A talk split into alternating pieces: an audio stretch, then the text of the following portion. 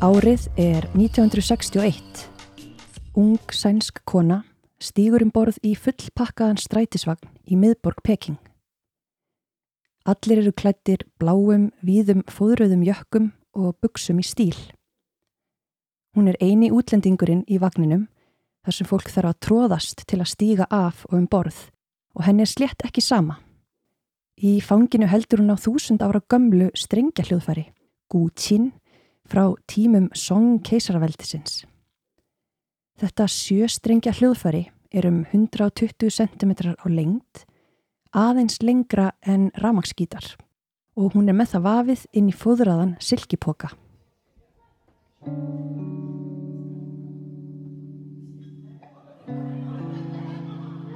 Ég heiti Þorgerður Anna Björnsdóttir og þú ert að hlusta á hlaðvarpið í Östurvegi.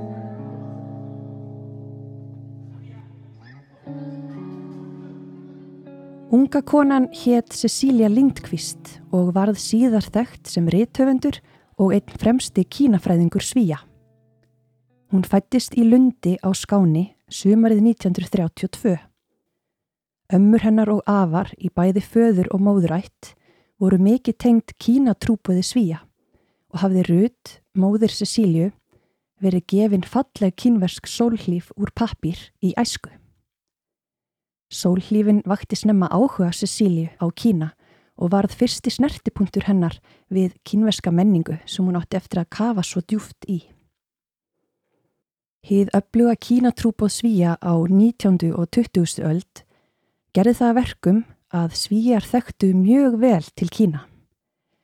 Trúbúðarnir sendu reglulega skýrslur heim um upplifanir sínar og snýru aftur til svíþjóðar á sjöara fresti til að ferðast um landið, segja frá kínastarfinu og sapna peningum til trúbúðsins.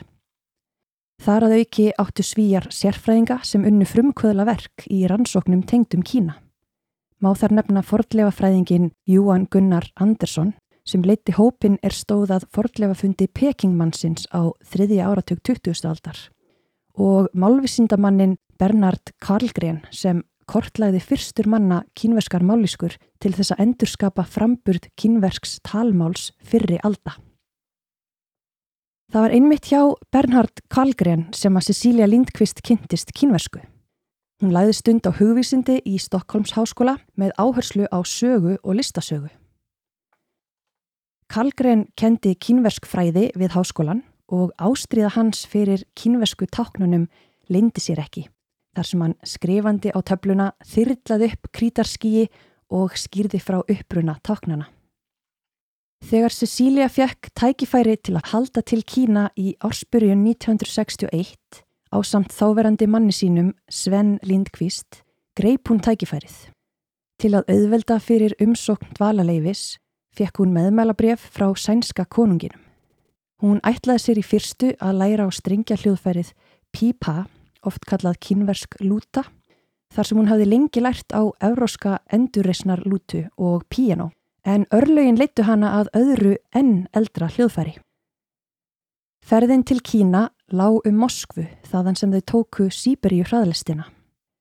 Í Moskvu fekk Cecilia að hitta rúsneskan fræðimann sem hafi sérhæft sig í kínverskri tónlist. Þau töluð saman á þýsku og hún sagði honum frá áhuga sínum á að læra á kynverst strengja hljóðfæri og vanga veltunni um pípa. En hann ráðlæði henni að læra heldur á hið æfa forna Gútsín. Hann fylgdi henni aftur að hótelinu hennar og er þau gengu um kirlátar göturnar fjallu stórar snjófliksur hægt til jarðar. Þau námu staðar við brjóstmynd af manni og rúsneski fræðimæðurinn bendi og sagði Puskin. Svo tók hann ofan þykku loðhúfuna sína og þuldi hátíðlega upp ljóð eftir þjóðarskáld rússa á meðan snjórin settist á höfuð og axlir hans, rétt eins og stittunar. Og þótt Cecilia kynni ekki rúsnesku, leið henni samt á einhvern hátt eins og hún skildi.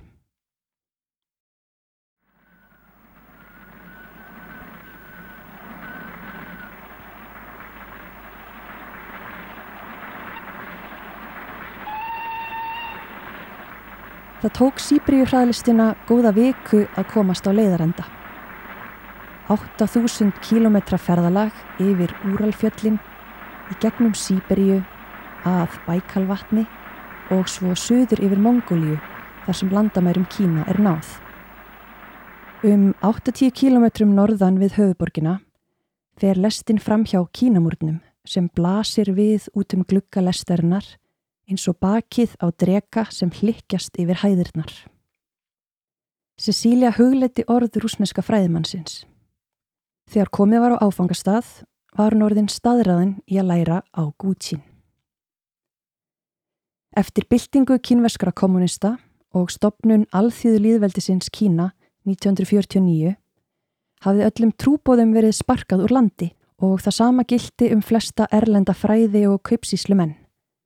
Þannig ropnaði heið stöðuga upplýsingaflæði sem svíjar höfðu lengi haft frá Kína, þótt stjórnmálasamband hefði vissulega verið tekið upp árið 1950. Almennt vissi fólkjú að það hafði orðið bylting og að Kína hefði dreyist inn í kóriustríðið, en ekki svo mikið um framhaldið og alls ekki um hinnar örvendingafullu aðstæðir sem nú ríktu í landinu í kjölfar stóra stöksins sem átti að vera fram á við með yðnvæðingu landsins og auknum hagvexti en leiti raunar til kreppu og hungursniðar. Það kom Cecíliu því verulega óvart hver báar aðstæðir voru í landinu og varð henni ekki strax ljóst hver alvarlegar þær í raun voru. Hún tók vissulega eftir því að nefendur Pekingháskóla voru grannir og sumir með bulgna úliði. Og svo drukku þau alltaf vatnið sem þau notuðu til að skóla úr mataskálum sínum til að nýta síðustu næringardrópana.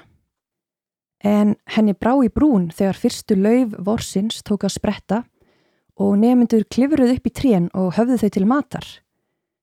Þau skemma trén, sagði hún örvendingafull við kennara sinn, sem svaraði, það er hungursneið í landinu Ekkert okkar hefur fengið fest grænmiti síðan í haust. Aðstæður erlendra nemynda voru talsvert frábröðnar þeim kínversku. Þau fóru í sérmötuneyti sem var bara fyrir erlenda nemyndur og kennara við háskólan. Þar mátti velja á milli nokkura rétta en kjött var notað sparlega. Umbreytingin úr því próteinríka fæði sem Cecilia var vön í Svíþjóð Yfir í fæði sem fyrst og fremst samanstóð af hrísgrjónum og grænmeti reyndist henni erfitt og hún fór að missa hárið. Gripið var inni og hún upp frá því send vikulega á sjúkrahús í B-vitaminsbrautur. Kínvesku nefndunir höfðu í raun og veru ekki mötuniti heldur var úti eldhús opnað þrísvar á dag á stóru plani eða í stóra samkómusalunum og nefndur mætti þangað með emaljeraðar skálar sínar og eigin kodla. Þeir sem ekki komu með koll borðuði matinn sinn ráfandi um eða hölluði sér kannski upp að tré. Máltíðir þeirra samanstóðu aðalega af grjónavelling eða núðlum með þurkuðum kálblöðum sem bætt var saman við. Fæstir kínvesku nefnana áttu úr en það voru þau dýr og álitin stöðutákn. Á háskólasvæðinu glumdu alla daga tilkynningar um hvað klukkan væri pólitísk skilaboð og þess á milli byltingartónlist úr hátölurum sem hengu uppi á símastörum. Fyrstu skilaboðin hljómiðu klukkan 6 til að vekja fólk í byrjundags og þau síðustu klukkan kortir í tíu tilkynntu að nú er þið hliði háskólasvæðisins læst og út í deyrum heimavistana sömu leiðis.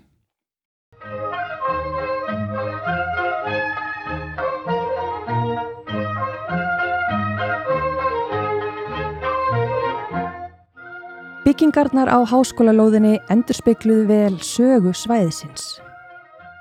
Á norður hluta þess stóðu fallegar eldri byggingar með sveigð þög og litskrúða þakbjölka í hálf klassískum kynverskum stíl á samt glæsilegum vastturni byggðum í stíl kynverskrar pakóðu.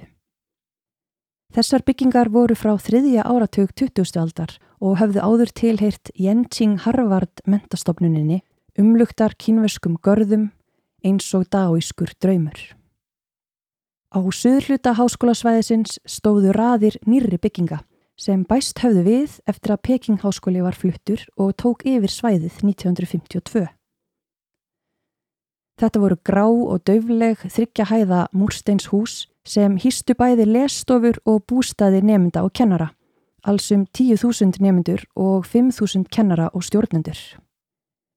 Karlkins nefnendur byggu á jarðhæðinni og kvennkins nefnendur á þeirri efri. Þarna mættust ansi sterkar andstæður í byggingarlist en svona var tíðarandin. Inn í einum bambuslundi eldra svæðisins var heimili hins þekta heimsbyggings Fangjólan sem kendi við háskólan. Vert er að geta þess að hjá honum nam Íslendingurinn Skúli Magnússon sem var við nám í Pekingháskóla árin 1957 til 1960. Cecilia bjóðum tíma á heimavistinni fyrir erlendu nefnana sem þá vorum 200 talsins. Tveir og tveir deildu herbergi. Þetta voru meðal stór herbergi í einni af nýlegri byggingunum. Fremur hrá með stift golf og illa einangruð, bæði hvað snerti kulda og hljóð. En í þeim höfðu þau þó, auk kvílustæðarins, borð, stól og fataskáp. Kínvesku nefndunir letu sér vel linda að búa saman 6-8 manns í samskonar herbergjum með kójum, svo þar var sjálfnast pláss fyrir borð. Háskólasvæðið var vel vaktað og allir þurfti að framvisa skólaskilríkjum við komu og brottfur af svæðinu. Erlendu nefndunum voru hverjum og einum útlutaðir kínveskir námsmenn sem áttu að hjálpa þeim með leksjurnar þrísvar í viku. Það var þó á allra vittorði að hlutverk þeirra væri ekki síður að fylgjast með og tilkynna um hegðun til skóla yfirvalda. Þær kringumstæður littu sjálfnast til mikils vinskapar en Cecilia kynntist kynveiskum vinum úr öðrum áttum. Ekki var þó allt í Pekingháskóla pólitísk innræting, skrifræði og kerfisbundið eftirlitt. Þar þreifst líka lifandi samfélag mentamanna að minnstakosti í nokkur ár enn. Á norðvestur hluta háskólasvæðisins, skamt frá aðal inganginum með sínum voldugu rauðu hurðum, stóð lítið grátt hús. Þar bjó Bob Winter, profesor í ennskum bókmentum og var heimili hans sangkallað fríríki opinar umræðu og miðstöð upplýsinga um allt sem gerðist undir yfirborðinu á háskólasvæðinu og úti í samfélaginu.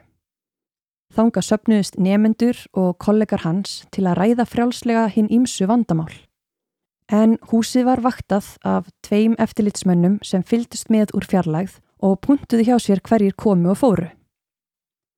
Án heimsóknana til Bobs Winter hefði Cecilia sennilega ekki átt að sig jafn vel á hver alvarleg staðan í Kína var orðin við byrjun sjönda áratugurins. Þó var vittneskjan um umfang hungusneðarnar þeim öllum ennþá ókunn og var í raun og veru ekki fyllilega afhjúpuð fyrir en áratugum síðar. Cecilia sótti tíma í kínversku og þótti henni og fleirum full pólitísk áhersla í námstekstunum en ekki nóg um orðafóða daglegslífs.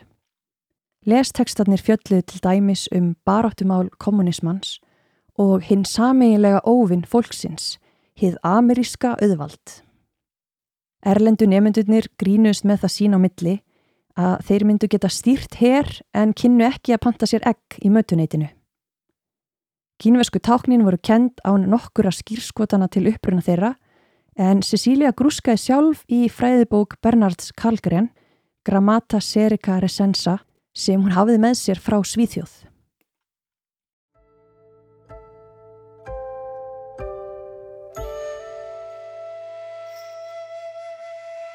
Cecilia fjekk jafnframt leifi til að sitja fyrirlestra í hefðbundinni kynveskri tónlist við Tónlistarakademíu Peking og var auk þess svo heppin að komast að sem nefandi við Gútsín rannsóknarstopnunina sem tók reynar alls ekki nefendur, hún varð eini nefandin.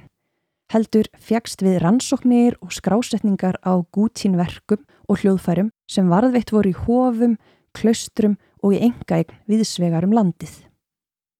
Cecilia segir í skrifum sínum að hún hefði vafalítið gefið námstvöluna í Peking upp á bátinn ef ekki hefði verið fyrir þá dýrmætu reynslu sem hún öðlaðist þar. Það sem gjör breytti sín Cecíliu á Kína voru kynni hennar af hópi fræði og tónlistarmanna við Gútsín rannsóknastofnunina í Peking sem einbeittu sér að hljóðfærinu sem í meir en 3000 ár var miðpuntur menningarlífs hinnar mentuðu yfirstjættar. Stopnunin hafði verið sett á fót með hjálp Joan Lai, fórsætisráþera og hóf starfsemi sína árið 1954. Hún var til húsa í hefðbundnu Sihaujen, lokaðri fjögur að húsa þyrpingu með sameilum gardi í miðjunni og stóð við Hugo S. götu í friðsælu hverfi í vesturhluta Peking, skamt frá Hó-Hæ vatni. Þau sem störfuðu við stopnunina byggu yfir djúpri og lifandi þekkingu á öllu sem tengdist menningararfi Kína og vinnusemi þeirra og vinskapur höfðu djúp áhrif á Cecíliu. Aldrei fjall eitt orð að óþörfu um pólitísk málefni dagsins eða slagorð en ekkert þeirra óræði fyrir upphafi menningarbyltingarinnar sem lág framundan og urðu endalók þessa einstaka fræðasetturs. Cecilia lærði hjá Wang Di sem sjálf lærði hjá hinnum aldraða Guan Ping Hu, virtasta og þögtasta gútsín leikara Kína, sem einnig starfaði við stopnunina. Wang Di leka á glæsilegt rautt tinn hljóðfæri frá áttundu öld og Cecilia fekk lánað hljóðfæri frá 11. öld sem hún bröðaðist með í strætó eins og líst var í upphafi þáttarins. Í tónlistartímunum settust þær saman og rættu tónlistina en líka heima og geima og tókst með þeim sterkur vinskapur sem endist út æfina. Þótt sambandið hafi ropnað árin sem Wang Di líkt og annað mentafólk var send til líkamlegarar vinnu á tímum menningarbyltingarinnar. Í tónlistarnáminu voru engar nótur sem skýrðu frá hrinnjanda eða hraða tónlistarinnar, heldur aðeins lýsingar um hvar skildi stilla höndum og tilvísanir í náttúruna sem leiðbeina hljóðfarleikaranum hvernig náskuli fram tilteknum hljómblæ, með því til dæmis að snerta strengina létt eins og vangir dregaflögu snerta vassflutt. Þannig sæði kennarin við hana. Hugsaðu þér að þú sleppir lítilli kvítri perlu ofan í skál úr grænu jaði. Svo annari perlu og enn annari þar til úrverður stjörnufall af perlum í skálina og hljóðið er alveg kristaltært svo hver tótn heyrist og síðan verður allt hljótt. Reyndu. Annað skipti þótti henni Cecilia spila of veikt og sagði henn að ímynda sér sterklegan vatnakarpa sem slægir til með sporðinum.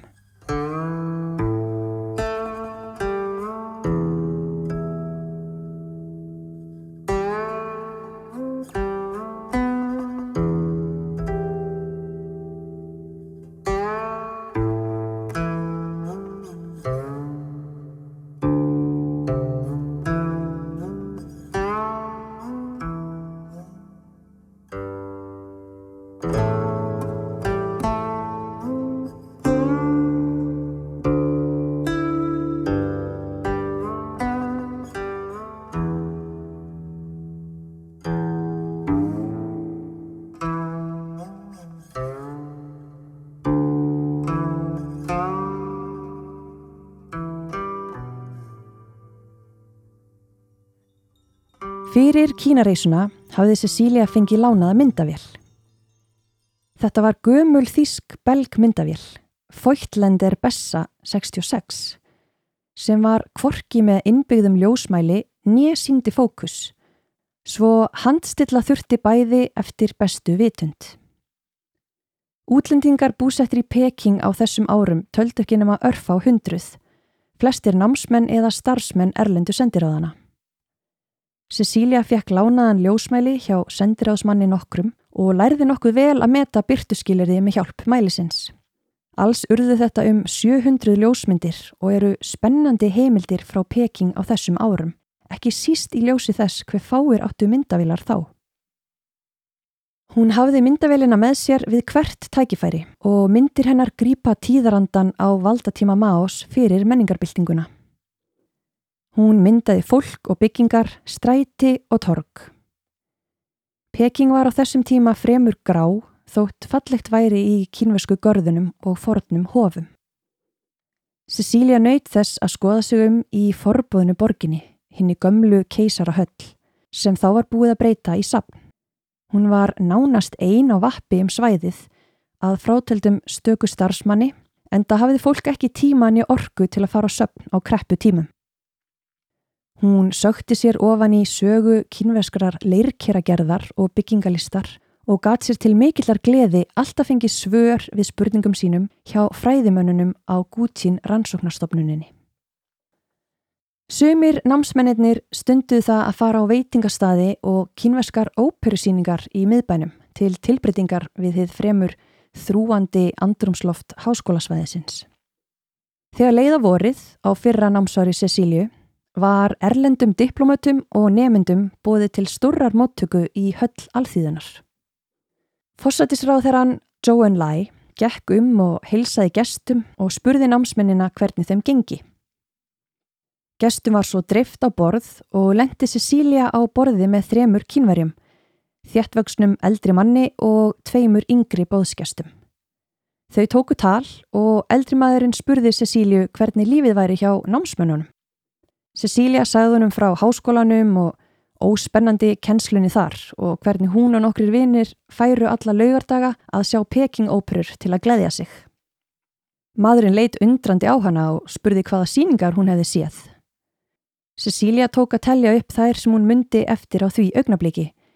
Kvíti, ormurinn, drukna hjákonan, haustfljótið, hemd fiskimannsins og listi aðdáinn sinni á þessu sérstaka listformi. Allt frá tónlistinni, söngnum og búningunum til andrumsloftsins á meðal áhörvenda sem fyldust spendir með og rauluðu með helstu lögunum. Hann spurði hana hvaða leikara hún hefði séð og taldi hún upp nokkra og nefndi að hún nýtti hvert tækifæri sem gæfist til að sjá síningar með meilan fang sem væri sérstaklega góður, hvernig hann reyfiði sig fallegar en nokkur kona og væri með einstaka rött. Gamli maðurinn hló, leiti kringum sig og bendi á nefsér. Ég er meilan fang og þetta eru börnin mín hérna með mér. Það gleður mig mikið að þú kunir að meta list mína. Cecilia varð undrunin einn. Þessi feitlagni eldri maður var sá sem gatt tólkað ungar glæsimegjar á sviði. Einn helsta stjarnar Peking óperunar. Af tveimur árum liðnum urðu fjölskyldu aðstæður til þess að Cecilia og maður hennar snýru aftur til Svíþjóðar. Hún var alls ekki reyðbúin að hvaðja Kína en það farin að ná flugi í tónlistarnáminu og orðin vel mælt á kínverska tungu. Fyrir heimfurina ákvaðu þau að stoppa fyrst á Indlandi og keira svo þaðan sjálf.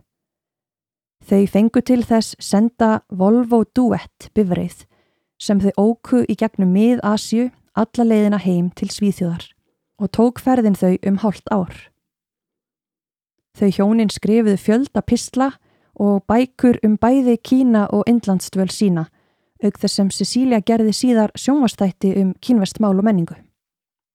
Þau áttu aðra æfintýralega langferð á Volvónum um þvera og endilanga Suður Ameríku árin 1967 til 68, þaðan sem þau skrifuðu um borgarastríð og samfélagsaðstæður, Cecilia ætíð með myndavillin á lofti en í þetta sinn var tæplega þryggjára sonur með í för. Þegar heim var komið var Cecilia fljótt vör við að fólk hefði miklu meiri áhuga á því að heyra hvernig hefði gengið að ferðast með svona lítið barn í þessum áhættusömu aðstæðum. Heldur en til dæmis þegar hún tók myndir af líki Che Guevara í Valle Grande áður en hann var grafin við flugvillin þar. Úrvarð að hún skrifaði bókina Resa með Aron Ferð með Aron. Þar sem hún rekur frásagnir af málþróska drengsins í spænskumælandi umhverfið þetta rúma ár sem hann hafði aðeins foreldra sína til að tala móðumáli við.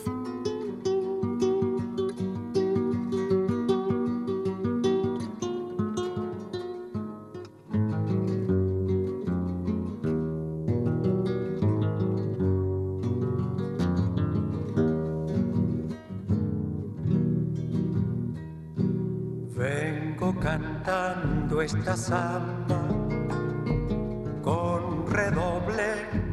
sicario, mataron al guerrillero, Che comandante Guevara.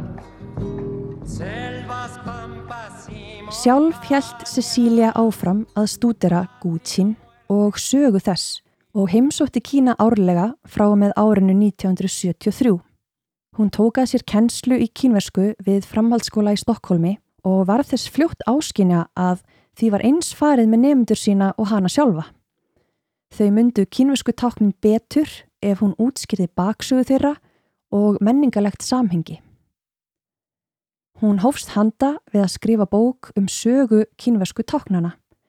Þar sem hvert tákn er skoðað út frá menningarlegu samhengi og í ljósi fordlefa funda.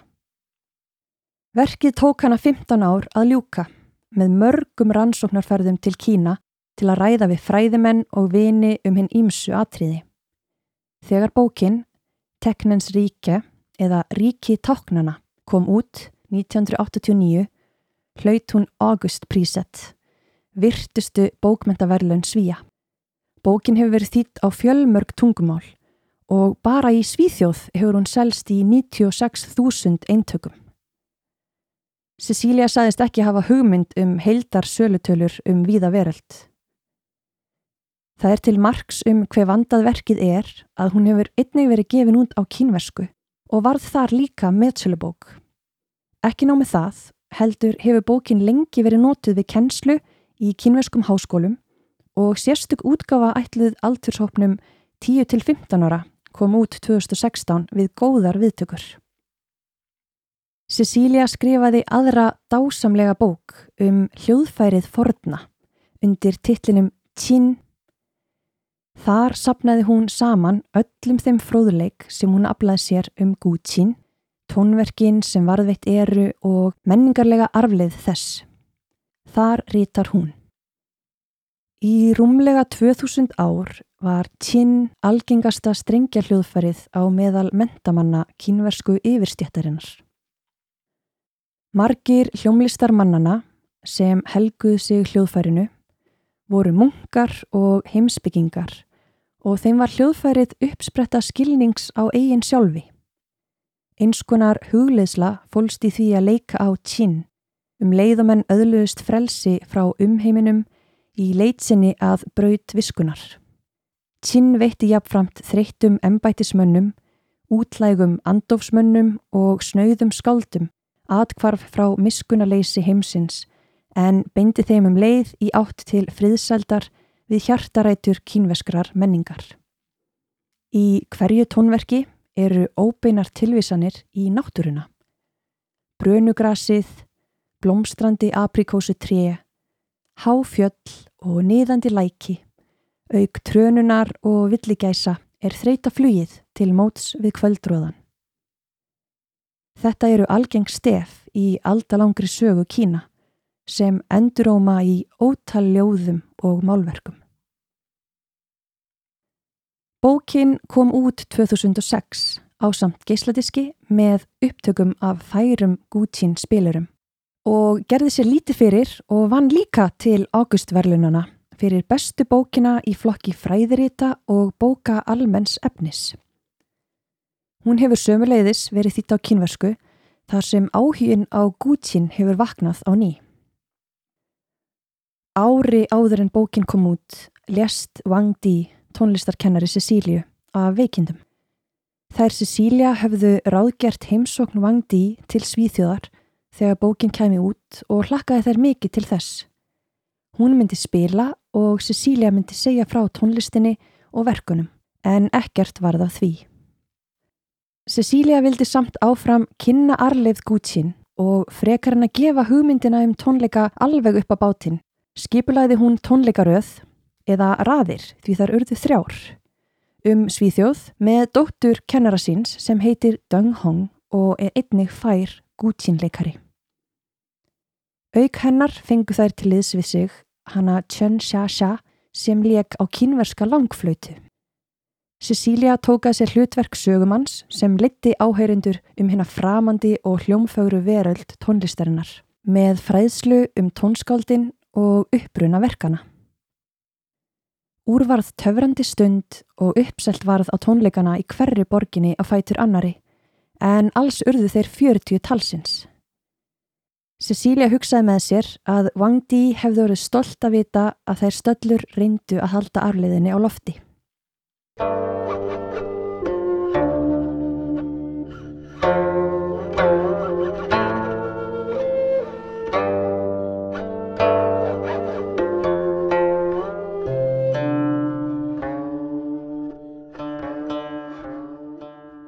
Þegar Cecilia kom til Íslands haustið 2014 í boði Konfúsiusar stopnunar helt hún tvo fyrirlestra. Annan byggðan á ljósmyndum hennar frá námsárunum við Peking Háskóla og hinn um Gútsín hljóðfærið Forna. Þetta var fyrsta ferð hennar til Íslands og hún kom inn aðeins yfir áttrætt en hann hafði lengi langað að koma og var mjög spennt yfir tækifærinu.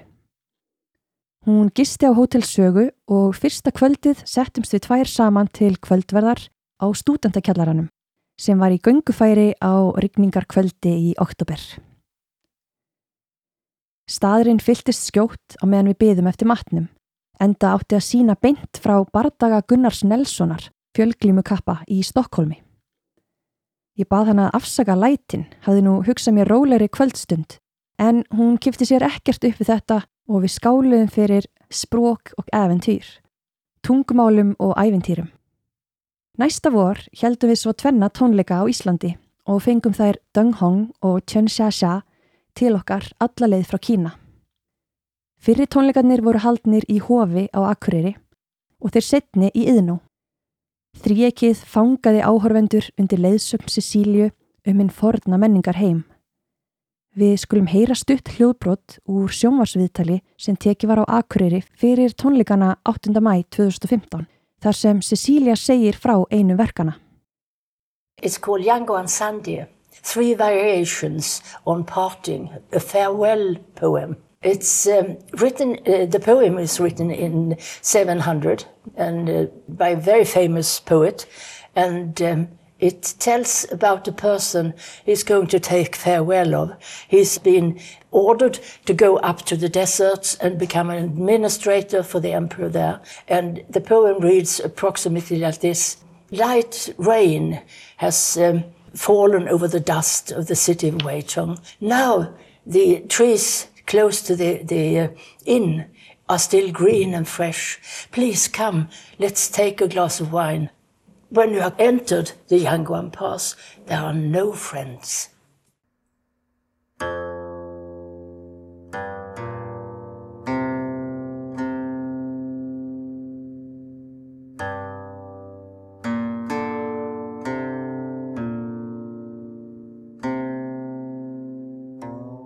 Eins og áður kom fram, kendi Cecilia lengi kynversku í Svíþjóð og fekk árið 2003 stöðu gestaprófessors við Beijing Háskóla Erlendra tungumála, Beijing UNDA7. Auk þess hlaut hún sæmdarorðu sænska konungsins 2007 og 2009 var hún gerðað heiðursdoktor við Stokkólms Háskóla. Auk bókmentaverlunana hlaut Cecilia í desember 2015 Sjálgren prísett, verðlaun sem árlega eru veitt einum einstaklingi til viðurkenningar á framlægi þeirra til sænsku akademíunar, óháð sérsviði einstaklingsins. Ári síðar hlaut hún svo hinn virtu Special Book Award of China við hátilega aðtöfn í höll alþýðunar. En verðlunin veita kínversk yfirvöld höfundum og þýðendum fyrir framlög til kynningar á kínverskri menningu um víða veröld. Fáir munu hafa miðlað jafn mikið og jafn lengi af hinnum forna kynverska menningararfi til Vesturlanda og Cecilia Lindqvist gerði á sínum starfsferli og heldur reynar áfram að gera í gegnum bækur sínar. Hún lést í september árið 2021 eftir nokkura ára hilsuprest, 89 ára að aldri. Síðasta bók hennar, En annan veld, eða Önnur veröld sem kom út 2016 er uppfull af ljósmyndum hennar og frásögnum af námstvölinni árin 2 í hennu rauða Kína. Þar sem henni þótti samtíminn stundum erfiður en arfur fortíðarinnar ómótstæðilegur.